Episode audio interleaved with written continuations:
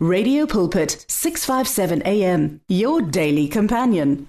Eh lochani balaleli emakhaya nilochiswa ngumfundisi uMahlangu webandla leFair Heavens Revival Church lapha kwaMhlanga nginilochisa ke ngisuka emhathweni omkhulu iRadio Pulpit ePretoria umnganakho wamalanga wonke sisehlelweni ke ikonzo ngibawa mlaleli nawe mzalwane ekhaya sibeke qadi konke sikwenzako silalele msinyana izwi lenkosi sihloko engikhuluma ngaso sithi God is our source God is our power source.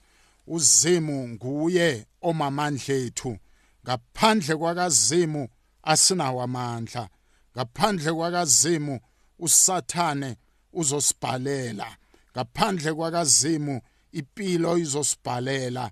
Uzimu nguyosidalileko nguyodala umuntu nguyodala iphasi wadala nezulu.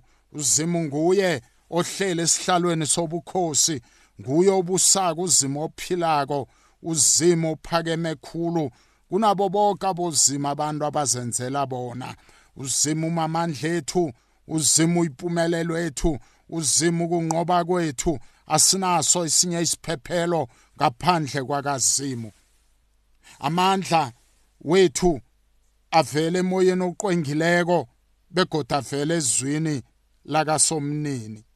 Sakha impilo yethu yokukholwa ngokuvuma nangokukhuluma izwi lenkosi noma izwi lakazimu. Thina bazalwane siyakhula sikhambe ngamandla siqonde bonyana izwi lenkosi lithini sikhambe nasemfihlakalweni kasomnini. Umkhuleko ngiwo osichideza emandleni amakhulu akuzimu. Umkhuleko ngiwo osiqhumanisa nosokulunga. Umkhuleko ngiwo ovumela amandla kazimu bonyana ehle ehlele phezukwethu sindiso ngiyo bazalwane sinikela amandla ukuthi sijamelane silwe noSathane. Ukuzalwa kabutsha noma ukusindiswa kubalulekile empilweni yomunye nomunye okholwako bonyana agqwaliswe ngamandla kamoya oqwengileko. Ngabe wena uzelwe kabutsha na? Ngabe usindisiwe na?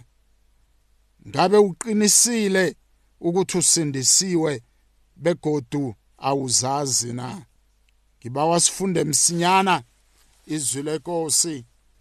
Kwabekorinte bokthoma sifundisa hluko 8 verse 6 fundeka ngalendlela nokho kithi munye uzimu ubaba okuvela kuye zonke izinto begodu nesi nesiphilela yena.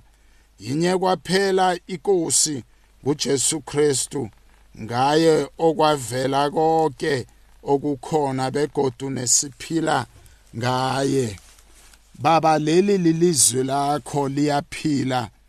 Izwi lakho nalikhuluma isima sihlali sinjalo. Izwi lakho baba nalikhuluma. Baba impilo zethu ziyachuguluka baba izwi lakho nalikhuluma liyadala. Lisusa baba into engekho liyidala ibe khona baba egameni elinamandla lenkosi yethu Jesu. Khuluma ke nakuleli langa ngezwi lakho. Sikulalele begodu baba siyakudinga sikulangazelele enhliziyweni zethu egameni elinamandla lenkosi yethu Jesu Kristu. Amen and amen. Izwi lenkosi lithi nokho kithi munye uzimu ubaba okuvela kuye zonke izinto begodu nesiphilela yena. Yinye kwaphela inkosi nguJesu Kristu ngaye kwavela konke okukhona begodu nesiphila ngakho. Jesu Kristu usomnini uzimethu ubaba nguye yedwa uzimu. Lethi izwi lenkosi yinye inkosi uJesu Kristu nesiphilela yena nesiphila ngaye. Konke okwadalwa kwadalwa ngaye. Ngakho isihloko sethu sithi uzimu umamandla ethu uzimu nguye osinikela amandla nguye osinikela umoya oqwengileko nguye wasipha izwi lakhe. Izwi lakhe ngilo elakhe ukukholwa kwethu. Izwi lakhe nasilikhuluma siba nokuliqonda. Nabantu bayakholwa ngezwi lakhe. Khuleko ngiwo osisondeza ebukhoneni bakazimu. Zimu mamandla ethu ukuze sikhona ukuchidela kuzimu impilo yethu kufanele bazalwane sibe ngabasindisiweko. Ukuze sikhone ukuqalana nempilo yemimoya ezweni likamoya kufanele impilo yethu sibe ngabazelwe kabutsha. Umbuzo uthi ngabe ugqwalisiwe na ngamandla kamoya oqwengileko? Ngabe uzelwe kabutsha na? Ngabe usindisiwe? Awuzazi na? Mlaleli ekhaya nawe mzalwane. Abazalwane kufanele baphile impilo eqwengekileko baphile impilo engaphasi kwamandla kamoya oqwengileko.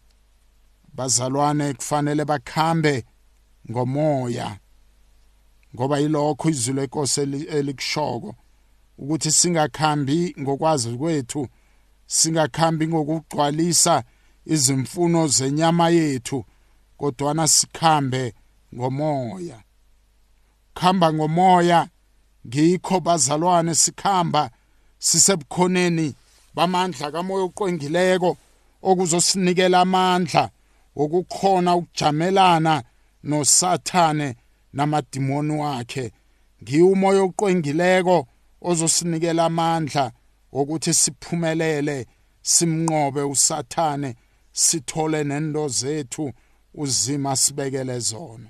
Thina abazalwane kufanele silise ukungamlaleli uzimu sifune ukumlalela ngaleyo ndlela amandla amakhulu kasomnini ayokwehlela phezukwethu Jesu Kristu uthi ngiphiwe amandla wonke ephasini nasezulwini. Thingenipha amandla nani ukuthi nikhambe nigadange inyoka nabofezela nibe namandla naphezu kwesitha ngekhe nilinyazwe lilitho ngombana ngininikile namtshana nginizesile ngamandla kamoya oyiqwengileko. Zwi lenkosi lithi uzimu umamandla ethu ubaba nguye yedwa uzimu esimaziko. Mikhuleko yabantwana bakazimu abasindisiweko mikhuleko yabantwana bakazimu abathethelelwa izono ngiyo enamandla ngiyo imikhuleko eyenza bonyana uzimethu asikime asilwele. Izwi lenkosi liyasitshela ukuthi siqine ekosini nasemandleni ayo amakhulu. Nawufunda izwi lenkosi lapha kwabasefesu 6 verse 10 izwi lenkosi lithi sikhambe sikhambe ngamandla. Sikhambe ngokuqina emandleni amakhulu kasomnini. Funeka abazalwane ukuze sibe namandla uzimu abe mamandla ethu kufuneka sithobeke sizinikele ngokuphelele kuzimu. Uzimu uzosinikela amandla ngoba uzimu umamandla ethu sitsho njalo isihloko sethu. Asisibo abazalwane ngombana sithe uJesu yinkosi nomsindisi wempilo yethu. Kodwana kufanele sikholwe lilizwi lakhe kufanele sibe siphila impilo eqwengekileko bonyana umoya oqwengileko akhona ukuhlala phezukwethu uzimethu izwi lenkosi lithi uyindoda yepi nawufunda encwadini ka-exodus 15 verse 3 uzimethu uzosulwela izipi zethu.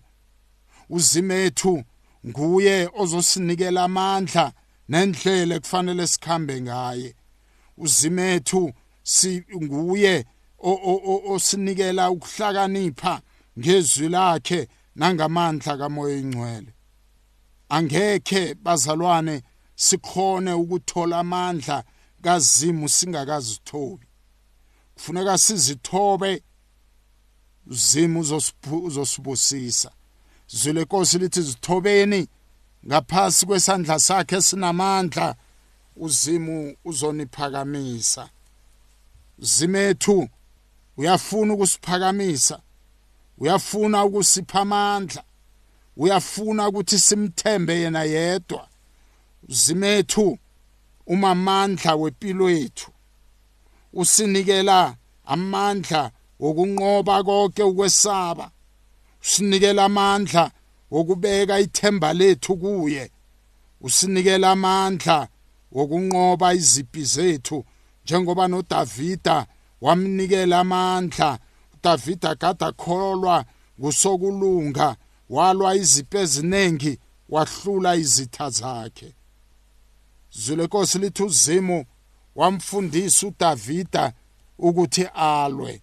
Na ufundizwe lenkosi kumahubo 144 verse 1 lithi uzimu nguye oqinisa izandla zethu aziqinisela ipi. Uzimu njengoba wamfundisa uDavida ukulwa nawe uzimu uzokufundisa. Wena nje kuphela zinikele ngokupheleleko kuye. Yiye emkhulekweni funda izwi lakhe mthembe yena uzimu uzokungenelela akulwele. Amandla ethu anguzimu namandla ethu akuzimu thina sikholwako uzimu uzosifundisa ukuthi silwe sisebenzisa izwi lakhe. Moya ingcwele uvula amehlo wethu usikhombisa amaqiniso amakhulu. Namanje sisafunda kuye umoya ingcwele uzimu nguye ebekamamandla kaDavida. Njengoba amamandla ethu nathi nasikholwa ngeqiniso. Davida waveza wakhuluma ukuthi uzima umamandla akhe ukuthi uzima nguye omqinisako. Davida beka indoda yomkhuleko nendoda edumisako. Davida bekakuthokozela ukuba sebukhoneni bukazimu. Davida uthi kuba sebukhoneni bukazimu kumnikeza ukuthokoza kanye namandla. Kukho empilweni okungasinikela amandla kusinikela ukuthokoza khulu ukudlula ikonzo yendumiso nokuphakamisa nokubabaza usomnini. Elinye nelinye ikholwa kufanele liqine njalo enkonzweni yokudumisa nokubabaza ubukhulu bukazimu khona abanengi egade babamaqhawe wevangeli abatrainwa noma basetshenziswa mamandla kamoya oqwengileko. Bekuba abantu abathobekileko bekuba abantu abaqalisa amehlo abo kuzimu bonyana baphumelele. Amaqhawe wevangeli kade ahlala njalo aqhumene nozimu kade ahlala njalo afuna ubukhulu bakhe. Bonke abajamelana nosathane bamnqoba bamhlula ingoba kade uzimu ezamaqangi. Nasimbeka phambili uzimu uzosenza amaqhawe. Nasimbeka uzimu simbize uzimu uzosikhomba izinto ezikulu nezimangalisako. Izwi likazimu lingumkhonto womphefumulo. Umkhonto setshenziswa khulu lapho kuliwa khona. Uzimethu uyosifundisa ukuthi lo mkhonto uberegiswa njani. Zimethu yosinika amandla wokulwa nezitha zethu. Yosinika amandla emphefumulweni wethu ukuthi sikhone ukunqoba ngezwi lakhe. Mikhuleko yethu esiyenza njalo phambi kwakazimu imikhuleko yamandla izwi lakhe ngilo elisinikela ukuhlakanipha. Ngakho sisebenza ngokuhlakanipha nangamandla kazimu ukuze sihlule amandla wesihogo. Mandla wethu akuzimu. Zimu mamandla ethu kameni nasegazini lenkosi yethu Jesu. Funa namhlanje ukuthi kuwe mlaleli ekhaya nawe mzalwane hlala njalo uzindla ngezwi lenkosi hlala njalo uzimu amamandla akho hlala njalo usekuhlakanipheni kwamandla kazimu ukuze uhlule amandla wesihogo. Funeka njalo thina bakholwako bazalwane ukuze uzimu ahlala amandla empilweni zethu.